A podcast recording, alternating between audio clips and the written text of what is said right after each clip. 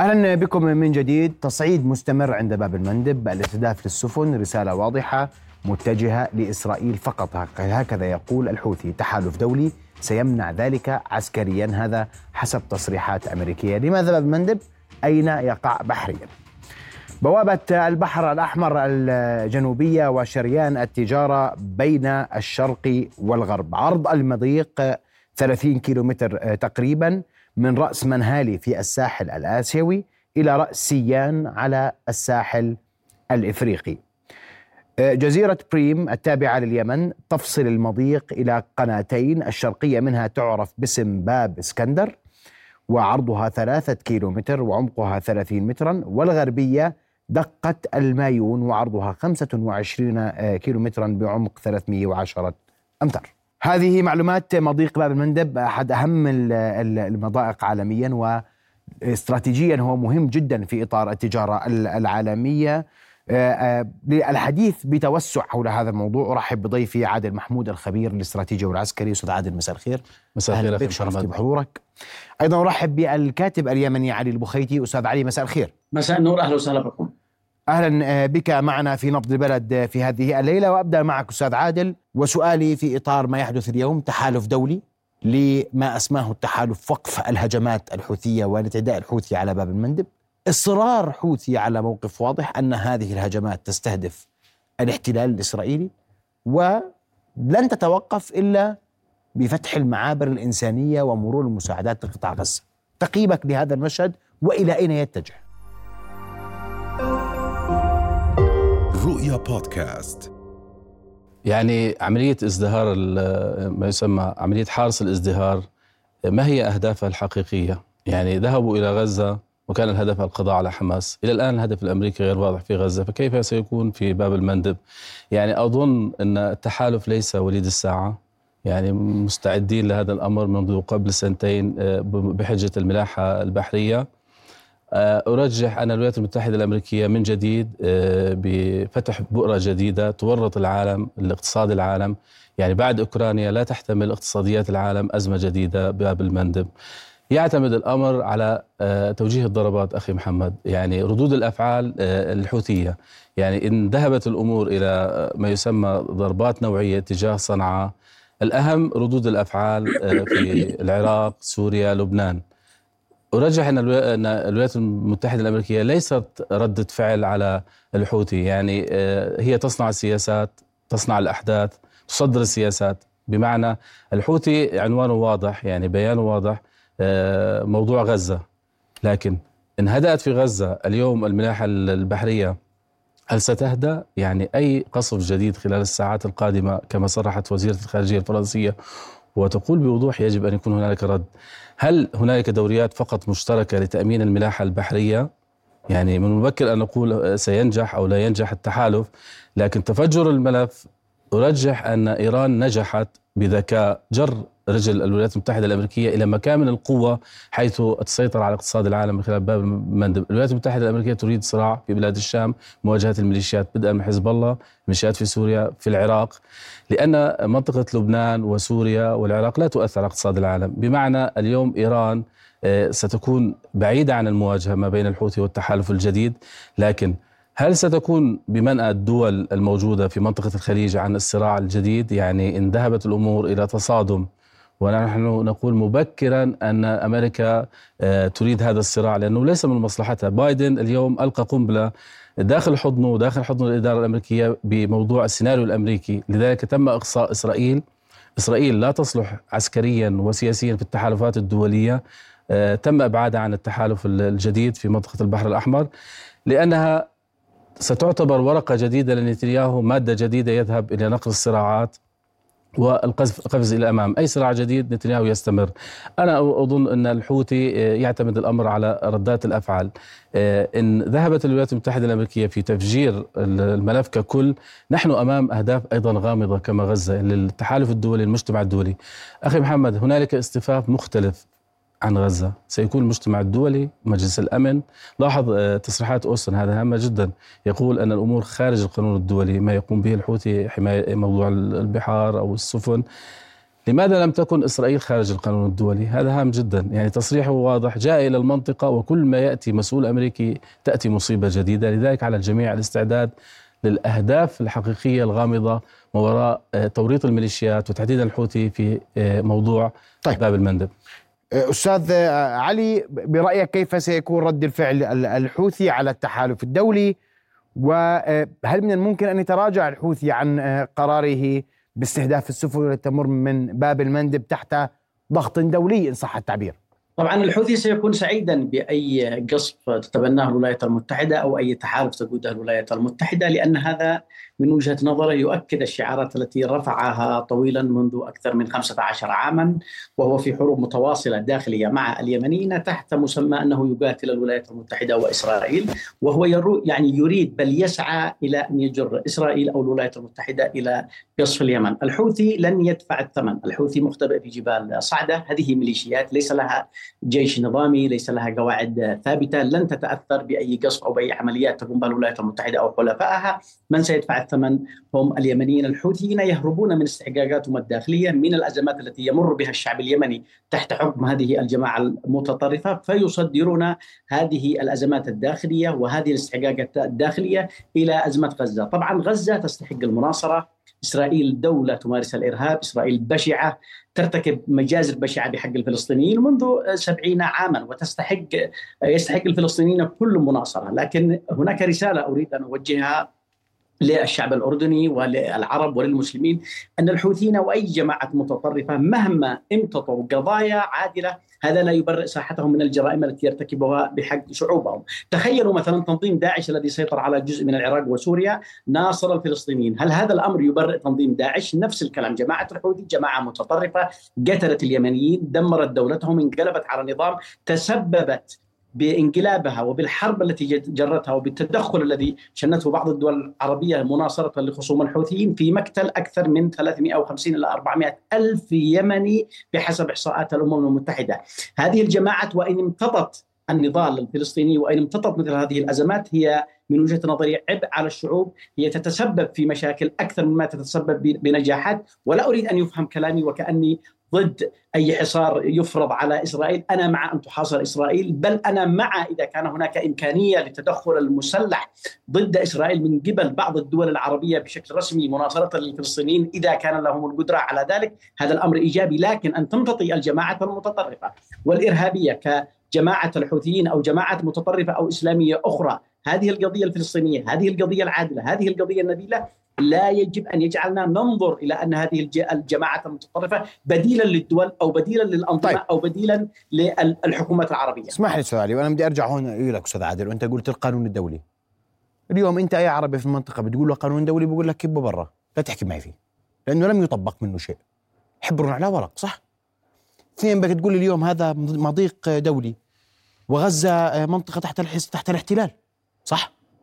لم يطبق القانون هناك لا تطبقه هنا لن لن يقبل. أنا بتحدث عن شعوب.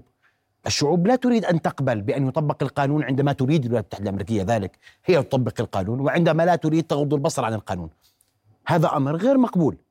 تحالف دولي لإنقاذ باب المندب والتجارة العالمية لكن لا يوجد تحالف دولي لإدخال مساعدات لقطاع غزة الذي يشهد حربا آه، شعواء آه، همجيه من قبل احتلال وأنا أسميها حرب إسرائيلية.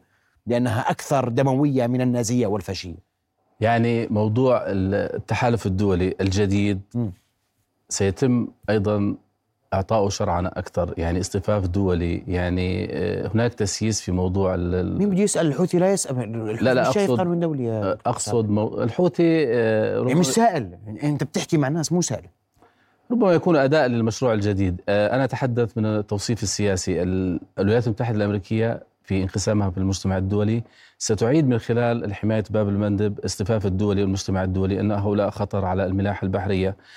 اليوم لماذا الولايات المتحدة الأمريكية فتحت الجبهات متعددة بلاد الشام البحر الأحمر وحتى فلسطين؟ أخي محمد هذه الملفات منذ فترة يعني بدءا من لبنان كلما جاءوا يريدوا ترتيب رئيس جديد موضوع رسم الحدودي يصطدموا بموضوع حزب الله. موضوع آه، حزب الله اليوم مطروح آه، سياسيا وعسكريا. خيار سياسي أما الموافقة والتنازلات بموضوع فرنسا والجيش اللبناني ما قبل الليطاني. ثم تجربة السودان مثال لما أتحدث به. حاولوا من خلال التغييرات في السودان الشعب وقف في موضوع الإصلاحات أيضا الجيش فتركوا الملف السوداني للولايات المتحدة والمجتمع الأمريكي إلى الفوضى. اليوم اليمن كذلك. هنالك ملف اليمني لم يتم الوصول إلى موضوع تسوية سياسية. وكذلك العراق رغم وجود دولة لا يوجد آه، سيطرة على الميليشيات. وكذلك سوريا وهي مركز الأحداث في نهاية المطاف. يعني الوجود الروسي الوجود الأمريكي إلى أين ستؤول الأمور؟ أرجح أن موضوع آه، أن أمريكا تهتم برأي الشعوب ورأي الداخلي هذا استهلاك إعلامي. يعني واضح الإقدام على التحالف الدولي. وسنرى أكثر اصطفاف دولي مختلف بالمطلق عن إسرائيل. يعني آه، موضوع غزة ملف إسرائيلي بدعم أمريكي ومجتمع دولي. ملف الفصل الثاني من الحرب وهي بدأت يعني أي تحالف سيكون خلفه حرب. إلى أين امتدادات الحرب؟ يعتمد أيضا آه، نقول ما هي الأهداف والغايات الحقيقية للولايات المتحدة الأمريكية؟ هل تريد السيطرة على باب المندب والتحكم بما يسمى منافذ الاقتصاد العالمي من خلال التموضع العسكري؟ يعني عسكرة المنطقة عسكرة الشرق المتوسط عسكرة البحر الأحمر هل ستذهب بمواجهة نهاية المطاف مع إيران؟ استبعد ذلك. يعني نحن اليوم في مواجهة أدوات إيران أشبال إيران ميليشيات إيران. إيران أرادت هذا الصراع نعود ونقول في منطقة البحر الأحمر. إذا استفردت أمريكا وإسرائيل ومن معها في موضوع بلاد الشام سيتم القضاء عليهم بشكل أو بآخر. بمعنى هل سنذهب إلى دمار بيروت كما غزة القضاء حزب الله؟ يعني قضاء حماس. الحوثي كذلك القضاء على صنعاء. في في في هذا بحكي لك تحيل عسكري على الأقل العسكريون يقرؤون أن إسرائيل لا تجرؤ اليوم. إسرائيل لن لن تدخل الصراع لن تجرؤ على دخول الصراع مع حزب الله لأنها تعلم مدى الكفاءة العسكريه لدى حزب الله مؤخرا ما بعد تحديد الحرب السورية. أخي محمد الخيار السياسي يسبق العسكري في الملف اللبناني. على الطاولة اليوم موجود خيار أمام حزب الله. القبول بالأطروحات التي يجب بشكل أو بآخر دراستها ونأي الشعب عن معاناة جديدة ومأساة جديدة. ليست تنازلات سياسية. هناك جيش ودولة آه، شرعية. من يؤمن لهذه من الضامن لهذه الخيارات؟ فرنسا أمريكا؟ آه، فرنسا ما عاد حدا يصدقهم يا أستاذ عادل. فرنسا أظن اليوم هل أنت بتشوف أنت هل في عاقل اليوم سيصدق الولايات المتحده الأمريكية عندما تقول شيئا؟ فرنسا على الهامش. على الأقل في هذه المنطقة. فرنسا على هامش الأحداث في هذه الخطة الدولية. أنا من وجهة نظري التأثير الحقيقي المجتمع الدولي يريد ترتيب لبنان. في هنالك مشاريع قائمة. ماشي بس أنت اليوم ال ال ال اليمن اليمن الحوثي في اليمن لا يأبه لأحد. لن يستمع لأحد. وأنا بقول لك اليوم هل تتوقع أنه رد فعل الحوثي تجاه التحالف الدولي؟ وقف الهجمات؟ برأيك. أنا من وجهة نظري طالما تم استبعاد دول معي أنها نأت عن نفسها في التحالف سيكون ردود الأفعال الحوثي محدودة. الأهم آه، التوجه العسكري الأمريكي وللتحالف هل الذهاب إلى صنعاء مقر وعقر دار الحوثي وتفجر الملف أكثر؟ ها هنا السؤال يكمن على أستاذ علي استهداف صنعاء هل يضعف الحوثي؟ لأنك تحدثت أن الحوثي اليوم مش موجود في صنعاء. المشكلة أن الولايات المتحدة الآن هي يهمها إسرائيل. الولايات المتحدة لا تهمها الجرائم التي ترتكبها إسرائيل أو الحصار الذي تتعرض له غزة. الولايات المتحدة لم تكترث لمعاناة اليمنيين من الحوثيين لأكثر من آه، ثمان سنوات. الولايات المتحدة وبريطانيا تحديدا منعوا تحرير ميناء الحديدة وكان على وشك التحرير من قبل الشرعية اليمنية قبل أكثر من أربع سنوات وأجبروهم على الذهاب إلى مفاوضات ستوكهولم.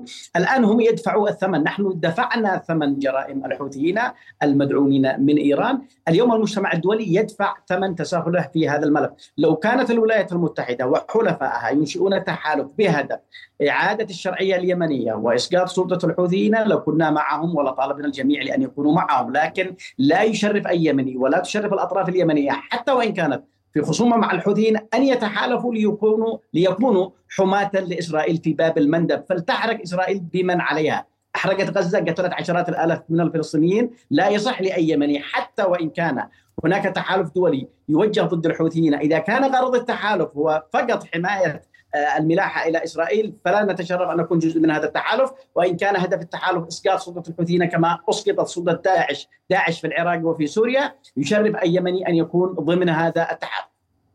نعم أستاذ عادل إلى أين تتجه الأمور اليوم في هذا الملف؟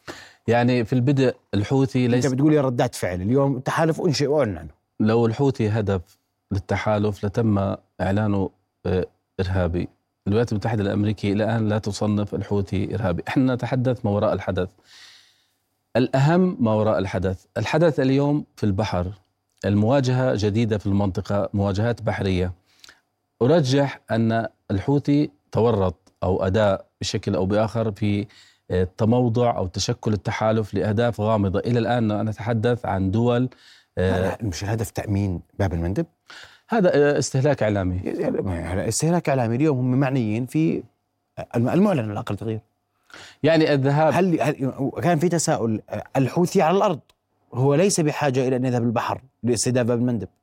يعني لو حقيقة الولايات المتحدة الأمريكية لا تريد تأجيج المنطقة لتم إيقاف حرب غزة. أنت تتحدث عن ميليشيات تعتبر منفلتة. يعني نتحدث عن آه، أن الولايات المتحدة الأمريكية لم تصنف بعد الحوثي. لماذا؟ أنت تتحدث أنه أوستن يقول خارج القانون الدولي. طيب خارج القانون الدولي لماذا لا تصنفه إرهابي؟ إلى الآن لا يصنف. هل تأجيله لمرحلة ترتيب الملف اليمني أم تم استخدامه بشكل أو بآخر؟ هذا التموضع خلفه شيء. كما إسرائيل آه، تمادت في غزة صمت دولي إبادة وإلى الآن الأهداف السياسية والعسكرية في غزة وفلسطين ككل ليس معروفة. يعني ربما تتغير حتى المواقف بعض الدول العربية في موضوع الملف الفلسطيني. نحن نتحدث عن نقل الصراع خارج فلسطين. ما هي الاستعدادات؟ ما هي؟ الوساطة العمانية تنجح؟ لأن هناك علاقة ما بين الحوثي والعماني. أتوقع التأثير سلطنة عمان في هذا الملف مختلف. لو كان هنالك تأثير كان لم يتم تشكيل التحالف وأيضا لم تذهب الأمور إلى استهداف السفن من قبل الحوثيين. بمعنى الحوثي هدفه واضح يقول أوقفوا حرب غزة. وأنا أقول أن الولايات المتحدة الأمريكية إن هدأت في غزة تفتح ملف المواجهات في بلاد الشام أكثر من ملف الباب المندب. بمعنى أن لكل طرف أهداف مختلفة. ترتيب الشرق الأوسط آه، ترتيب الملفات سياسيا. لكن هل تنجح؟ هل تفشل؟ هذا موضوع آخر. نعم. أستاذ علي برأيك تنجح الوساطة العمانية في ثني الحوثي عن مواصلة ما يقوم به في مندب والحديث عن أن الوساطة ستكون فقط لغايات السماح بمرور كل السفن عدا تلك التي تتجه إلى آه، آه، إلى إسرائيل. آه، أريد أن أضيف إلى ما قاله ضيفك الكريم من أن الولايات المتحدة رفضت تصنيف جماعة الحوثي كجماعة إرهابية. لا هي هي كانت جماعة الحوثي جماعة إرهابية في عهد الرئيس ترامب في آخر عهده. صنفها كجماعة إرهابية. أتت إدارة بايدن وأزالت هذا التصنيف. أتت إدارة بايدن ورفعت بعض العقوبات عن إيران. إدارة بايدن كافأت هذا المحور. الآن فلتتلقى بعض العقوبات من الحوثيين. بالنسبة للوساطة العمانية لا أتوقع أن تستطيع أن تثني الحوثيين عن ممارستهم. الحوثيين يدركون أن الحرب الإسرائيلية على غزة والإرهاب الإسرائيلي الذي يمارس على غزة لن يستمر طويلا. هم يريدون توظيف هذا الملف. هم يدركون أنه خلال أسابيع أو شهر بالكثير يعني هناك احتمال كبير أن تتوقف إسرائيل أو تستكمل بعض تحقيق بعض أهدافها أو لا تستطيع تحقيق أهدافها وتتعرض لضغوط دوليه أخرى فتتوقف. فيريد الحوثي أن ينسب هذا الأمر له لأن سمعته داخل اليمن مدمرة، الكثير من العالم العربي والإسلامي لم يكونوا يكونوا لهذه الحركة أي تقدير أو احترام، امتطى الحوثي هذا الملف وللأسف في الدول العربية والإسلامية أي إنسان يناصر قضية مظلومة حتى لو كان يقتل أبناء شعبه لو كان يظلم لو كان يسرق لو كان ينهب يصبح عندهم بطلا. أنا أريد أن أوجه رسالة لكل هؤلاء. الحوثي قتلنا الحوثي دمر بلدنا. الحوثي يفرض ضريبة تسمى الخمس على بعض آه، أصدر قانون لكي تفرض على اليمنيين باعتبار قسم اليمنيين إلى طبقات. هذه جماعة عنصرية عصبوية مذهبية طائفية فيها كل أشكال العنصريات المركبة. أنا مصدوم من الترحيب وتمجيدها بالإمكان أن نقول أن مواقفهم فيما يتعلق بالقضية الفلسطينية في هذا الجانب إيجابي لكن يجب أن تدينوهم، من يحترم دماء الفلسطينيين، من يحترم دماء أبناء غزة، عليه أن يحترم دماء اليمنيين، جماعة الحوثي قتلتنا، ذبحتنا، هجرتنا، آه، سيطرت على منازلنا، جماعة الحوثي إلى اليوم تستولي على إرادة الدولة في المناطق التي تحت سيطرتها ولا تصرف مرتبات اليمنيين منذ ثمان سنوات. هي جماعة من وجهة نظر غالبيه اليمنيين متطرفة بل إرهابية ولا نريد أن تتحول إلى جماعة بطلة لأنها ناصرت قضية عادلة، هناك الكثير من المجرمين ناصروا قضايا عادلة، آه، آل كابوني كان يناصر قضايا عادلة وهو تاجر يعني خمور وتجار مخدرات كثير مثل بابلو إسكوبار كان يناصر كذلك قضايا ومساكين نعم. ويتعاطف مع قضايا عادلة، هذا لا يبرئ ساحة المجرم مهما ناصر من قضايا عادلة. أشكرك كل الشكر للكاتب اليمني علي البخيتي كنت معنا مباشرة من عمان. أعود لك أستاذ عادل وبرأيك سنشهد تطورات متسارعة في ملف باب المندب أم أن الأمور ستسير بهدوء؟ إن صح التعبير. أستبعد ذلك لأن السيناريو المتدحرج في موضوع الوجود الأمريكي ككل في المنطقة لم يأتوا إلى نزهة. لن يغلق الباب إن هدأت في غزة وتعود الأمور كما كانت ما قبل غزة. لا المجتمع الدولي سيعود ما بعد غزة ولا الولايات المتحدة أو أمريكا ومشاريعها. الحوثي ستبقى مجموعة لا تؤثر على أمن الدول بشكل عام. يعني هي داخل الملف بس أثرت على الملاحة. هي الآن كما ذكرت لك أنا مصر على وجهة نظري إنها كانت أداء للوصول إلى الهدف الاستراتيجي للولايات المتحدة الأمريكية وستتصدر المشهد في باب المندب ويغطي حتى على حرب غزة. بمعنى الهدف الأوسع التي جاءت منه أمريكا وهو غزة ذريعة لحرب إقليمية وليس حرب إقليمية من أجل غزة. بمعنى اليوم ماذا إذا تم إغلاقه بالفعل نتيجة الاشتباكات إن كانت محدودة أو غير محدودة؟ آه، اقتصاد العالم ماذا سيؤثر على كل الدول من قناة السويس العقبة كل الدول بما فيها الخليج تصدير النفط والغاز. اليوم أمريكا تتخبط في سياستها هذا من وجهة نظري. يعني هنالك عدم توازن في الإدارة الأمريكية هنالك هروب من الملفات. لا تحسن وهذا ما أخشاه. تفتح ملف كأفغانستان أوكرانيا لا تحسن إغلاق الملفات. هذه فشل في السياسة الأمريكية. اليوم جاء شيء جديد. اجتمع الفشل السياسي والعسكري معا في السياسة الأمريكية الخارجية. بمعنى آه، ماذا سيكون موقف بايدن بالفعل أمام المجتمع الدولي إن تضرر اقتصاد العالم؟ بمعنى آه، تم ما يسمى الانفلات وعدم السيطرة وهذا وارد. أنت تتحدث مع منظمات مع ميليشيات. هل الولايات المتحدة الأمريكية تريد إنهاء دور الميليشيات في العراق في سوريا في لبنان؟ كيف ذلك؟ هؤلاء أصحاب أرض يعني بمعنى حزب الله موجود قوة سياسية وعسكرية. نعم. نعم. لذلك تدريجيا ما بعد آه، نقول بدء العام الجديد يعني هنالك أرجح تهدئة مؤقتة. ليس لتبريد الأجواء بالعكس هناك آه، فرصة الاعياد أنا متفائل فيها. ربما لا يكون هنالك هدنة في غزة لكن إن تم هدنة هل سيتوقف التحالف ويعود آه، إلى ما كان قبل آه، هجوم الميليشيات؟ هذا أمر جداً. هذا أمر مرتقب ننتظره بعد أيام. أشكرك كل الشكر الخبير الاستراتيجي والعسكري. ليس العسكري. عادل محمود. أشكرك كل الشكر يا سيدي. شكرا سيدي. شرفتني بحضورك. رؤيا بودكاست.